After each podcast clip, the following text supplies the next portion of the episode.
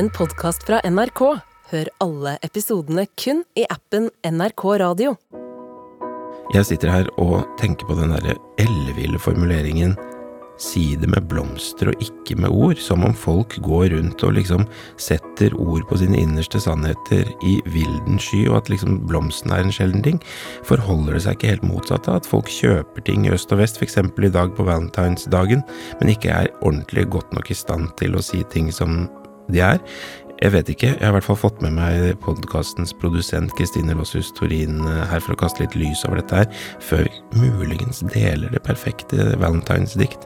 Kristine, du liker jo å få ting sagt. Jeg elsker, eh, som alle andre, å bli sett. Men, men det er jo det som er med, med et sånt uh, type kjærlighetsdikt, da. At det, det funker jo bare hvis det treffer meg. Og det er jo ikke alt som treffer meg. Nei. Altså, jeg er jo da en slags sånn Det, det er jo diktdeler, da og, og ta eierskap til det, for så vidt. Men det ville sitte langt inne for meg selv også å begynne å deklamere dikt for kona mi på valentinsdagen. Nå ser jeg for meg at du kommer opp med et sånt brett, det er kaffe, det er en liten bolle. Så setter du den på knærne hennes, mm. og så setter du deg kanskje på kne og så deklamerer du et dikt. Deg vil jeg ømt i rytmer nagle fast, deg ja.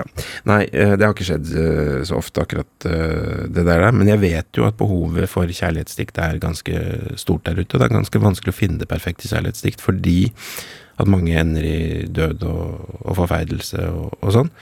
Um, sånn at, men jeg får jo meldinger fra folk som f.eks. skal holde en bryllupstale om en time og trenger det perfekte diktet. Jeg har ofte blitt svar uh, skyldig, så måtte jeg begynne å lete litt sånn ordentlig da. Men Kristine, jeg vet jo at du er tilbøyelig til å bli ordentlig berørt av et kjærlighetsdikt eller to? Ja, det har egentlig nesten bare skjedd meg én en eneste gang, og det var faktisk da din venn og skuespiller og regissør eh, Mattis Herman Nyquist eh, skulle komme på besøk og dele et dikt med deg. Altså dere har jo hatt sånn langt forhold tilbake der hvor dere deler dikt. Også siden jeg er produsent, så skulle jeg snakke med han på forhånd. Uh, og det, jeg bare ringte han, jeg var på telefon, det var liksom litt sånn uh, stressende, han hadde litt dårlig tid. Uh, og så skulle han bare si sånn Ja, jeg har funnet noe, jeg tror kanskje det kan være noe. Og, så, og da var det ikke sånn at det diktet var noe sånn spesielt til meg, eller at jeg At han sa det på en sånn fin måte. Han bare sa det veldig sånn fort, og tårene bare trilla for det er det vakreste og fineste kjærlighetsdiktet jeg noensinne har hørt. Det heter Kjærlighetens uh, Fosbury. Da må du gjerne lete deg frem til den episoden. Uh, hvis du blir nysgjerrig. Men, men, for meg så er det et sånt type dikt som bare ja, det, Altså, det oppsummerer på en måte alt det jeg tenker om kjærlighet, og hvordan det er å være forelska og, og, satse litt på den kjærligheten, da. Mm. Og da du skulle gifte deg, så ville du at han skulle komme og lese det diktet. Han kunne ikke lese, så da ble det meg i stedet. og jeg kjente på Der satt du som en vakker brud, uh, veldig langt fremme, selvfølgelig. Og jeg Din forventning og spenningen i rommet tok jeg inn i den grad at jeg fikk sånn voldsom skjelving på hendene som jeg aldri har opplevd uh, før. Og jeg hadde jo med meg ark, så det liksom var veldig, en veldig intens opplevelse. Men du gråt igjen da, så jeg følte det traff også gang nummer to eller tre, eller hva dette ble. Det treffer meg hver gang. Men du da, du som uh, er denne diktdeleren som ikke pleier å dele kjærlighetsdikt. Har, har, har, du blitt truffet av det noen gang? Altså Det jeg tenker på nå, er at jeg får lyst til å tulle og tøyse og harselere. For en periode så var jeg i veldig mange bryllup. Og da slo det ikke feil at i løpet av ett og samme bryllup, hvis det ble holdt en del taler, så var det til enhver tid flere som uh, siterte skamløst fra Khalil Gibrans 'Profeten'. Du, altså, du har vært med på dette fenomenet? Aldri. Aldri? Ja. Hvordan er det mulig? Jeg, jeg, jeg gjenkjenner ikke i det hele tatt. Altså, denne teksten Jeg har ikke vært invitert i Gibran-bryllup. Altså, la meg finne fram her. Skal vi se. Jo. Dette er det, Elsk hverandre, men gjør ikke kjærligheten til en plikt. La den heller være et vuggende hav mellom sjelenes kyster. Fyll hverandres beger, men drikk hver av sitt. Og så er det flere sånne fyndige formuleringer. Og så dette her veldig kjente mot slutten, det må du ha hørt. Å stå sammen, men ikke for nær hverandre. For tempelets søyler står adskilt, og eika og sypressen vokser ikke i hverandres skygge. Aldri hørt. aldri hørt. Nei. Tenk sånn, Nå orker jeg ikke å høre om flere søyler og sypresser og, og eiketrær som symbol på kjærlighet. Jeg hørte den om størst av alt er kjærligheten. Den pleier å være i mine bryllup. Ja, den er god. Den er fra, god. Fra Bibelen. Men det som jeg faktisk har brukt i et slags eh, poetisk, desperat forsøk på å nå frem til noens hjerte Det var på videregående, så falt jeg veldig for Knut Hamsuns roman Pan. Og der er det denne Edvarda som hovedpersonen, den andre hovedpersonen aldri får helt taket på. Hun liksom snor seg unna. Og samme fenomen opplevde jeg litt, at jeg ikke fikk grep om dette mennesket som jeg hadde forelsket meg så veldig i. Så tenkte jeg at hvis jeg gir henne denne boka, øh, og peker litt inn mot f.eks. den derre scenen hvor øhm, hvor den mannlige hovedpersonen kaster Edvardas sko ut i vannet i et slags sånn desperat forsøk på å oppnå en slags kontakt eller fremtvinge et eller annet, så vil hun skjønne hva jeg prøver å, å få fram, da. Um, og han kaster jo skoene ut i vannet, og hun øh, blir sint og sur, og han blir egentlig bare dypt skamfull og føler at ansiktet skifter farge og så videre.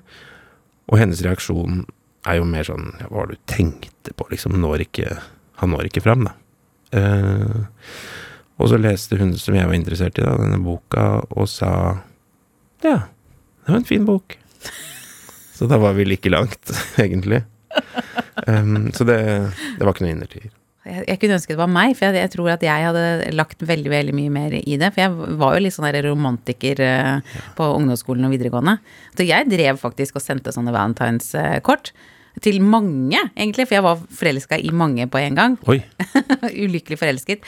Men, eh, men jeg skrev aldri noe sånn eh, eh, dikt. Jeg skrev liksom bare sånn og jeg, 'Jeg liker deg, hilsen en hemmelig beundrer'. Så hadde jeg, håpet jeg veldig da at de skulle skjønne at det var meg, og at det, det skulle bli noe. Det er jo ikke sikkert dikt hadde gjort den store forskjellen i dette tilfellet. Med Ja, det- så mange liksom følere ute samtidig. Men jeg prøvde meg i hvert fall. Ja, og nå føler jeg at vi er på sporet av noe, fordi dette er jo en dag det nærmest et sånn slags uh, emosjonelt amnesti uh, på akkurat denne dagen, hvor det er lov å, å si ting som du da brenner inne med resten av året, kanskje i form av et kort. Uh, og det ligger jo også i kortene at du skal si ting til den du eventuelt har kjært på nært hold også, da. Og jeg har funnet et dikt som jeg tror funker for alle. Det funker veldig for de som eh, håper at det skal bli noe. Og jeg tror også det funker veldig bra med hensyn til å liksom skulle bekrefte et forhold som allerede er relativt eh, etablert. Og det er et dikt av den svenske poeten Karin Boye, eh, som døde i 1941. Og, og dette sto da i en diktsamling som ble gitt ut etter hennes død, og den het De sju dødssynder. da. Og diktet, kjærlighetsdiktet heter Hur kan jag säga? Er du klar for et svensk dikt? Veldig! Det, det gjør det nesten litt sånn bedre, fordi det, det er på svensk. Jeg tenker litt distanse er bra. Ja. Liksom litt indirekte. Ja, det er fint.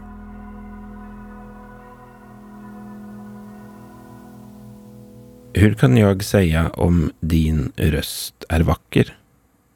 Jag vet ju bara att den genomtränger mig och kommer mig att darra som ett löv och trasar sönder mig och spränger mig. Hva vet jag om din hud och dina lemmar? Det bara skakar mig at det er dine.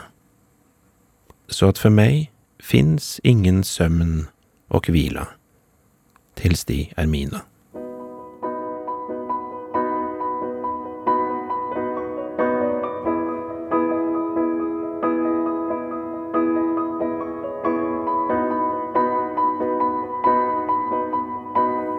Er det ikke deilig at det er litt sånn bluferdig og ren kjærlighet før plaggene faller, holdt jeg på å si? Kommer du, Kristin, til å dele dette med din ektemann, eller kommer du til å bare eh, lengte til evig tid etter å bli delt noe tilsvarende med? Jeg kommer til å lengte i evig tid til å bli delt noe tilsvarende med. Men jeg håper at noen som hører på dette, tar opp sin penn og skriver det ned i et kort og gir det til noen. Og hvis du gjør det, så vær så snill og fortell det til oss. Altså, det hadde gledet meg så inn i hjerteroten hvis noen turte å si hva de følte i form av dette diktet. Ja, da bare håper vi på det da, Kristine, at noen tar opp pennen og skriver noen linjer fra dette diktet på et kort. Hur kan jag säga om din røst er vakker? Jag vet jo bara at den gjennomtrenger meg.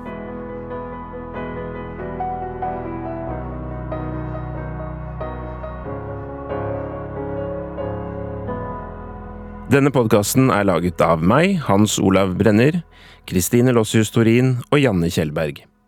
Redaksjonssjef Helle Vågeland. Vi skal hjem til Øyunn Krogh. Altså, det var pass. Det var jævlig pass! Jeg ble ordentlig avvist.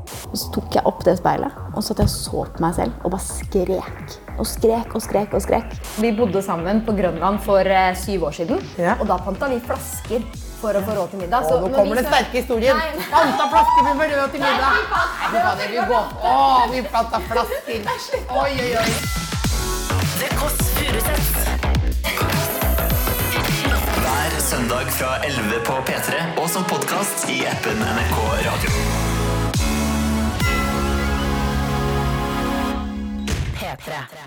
Du har hørt en podkast fra NRK. Hør alle episodene kun i appen NRK Radio.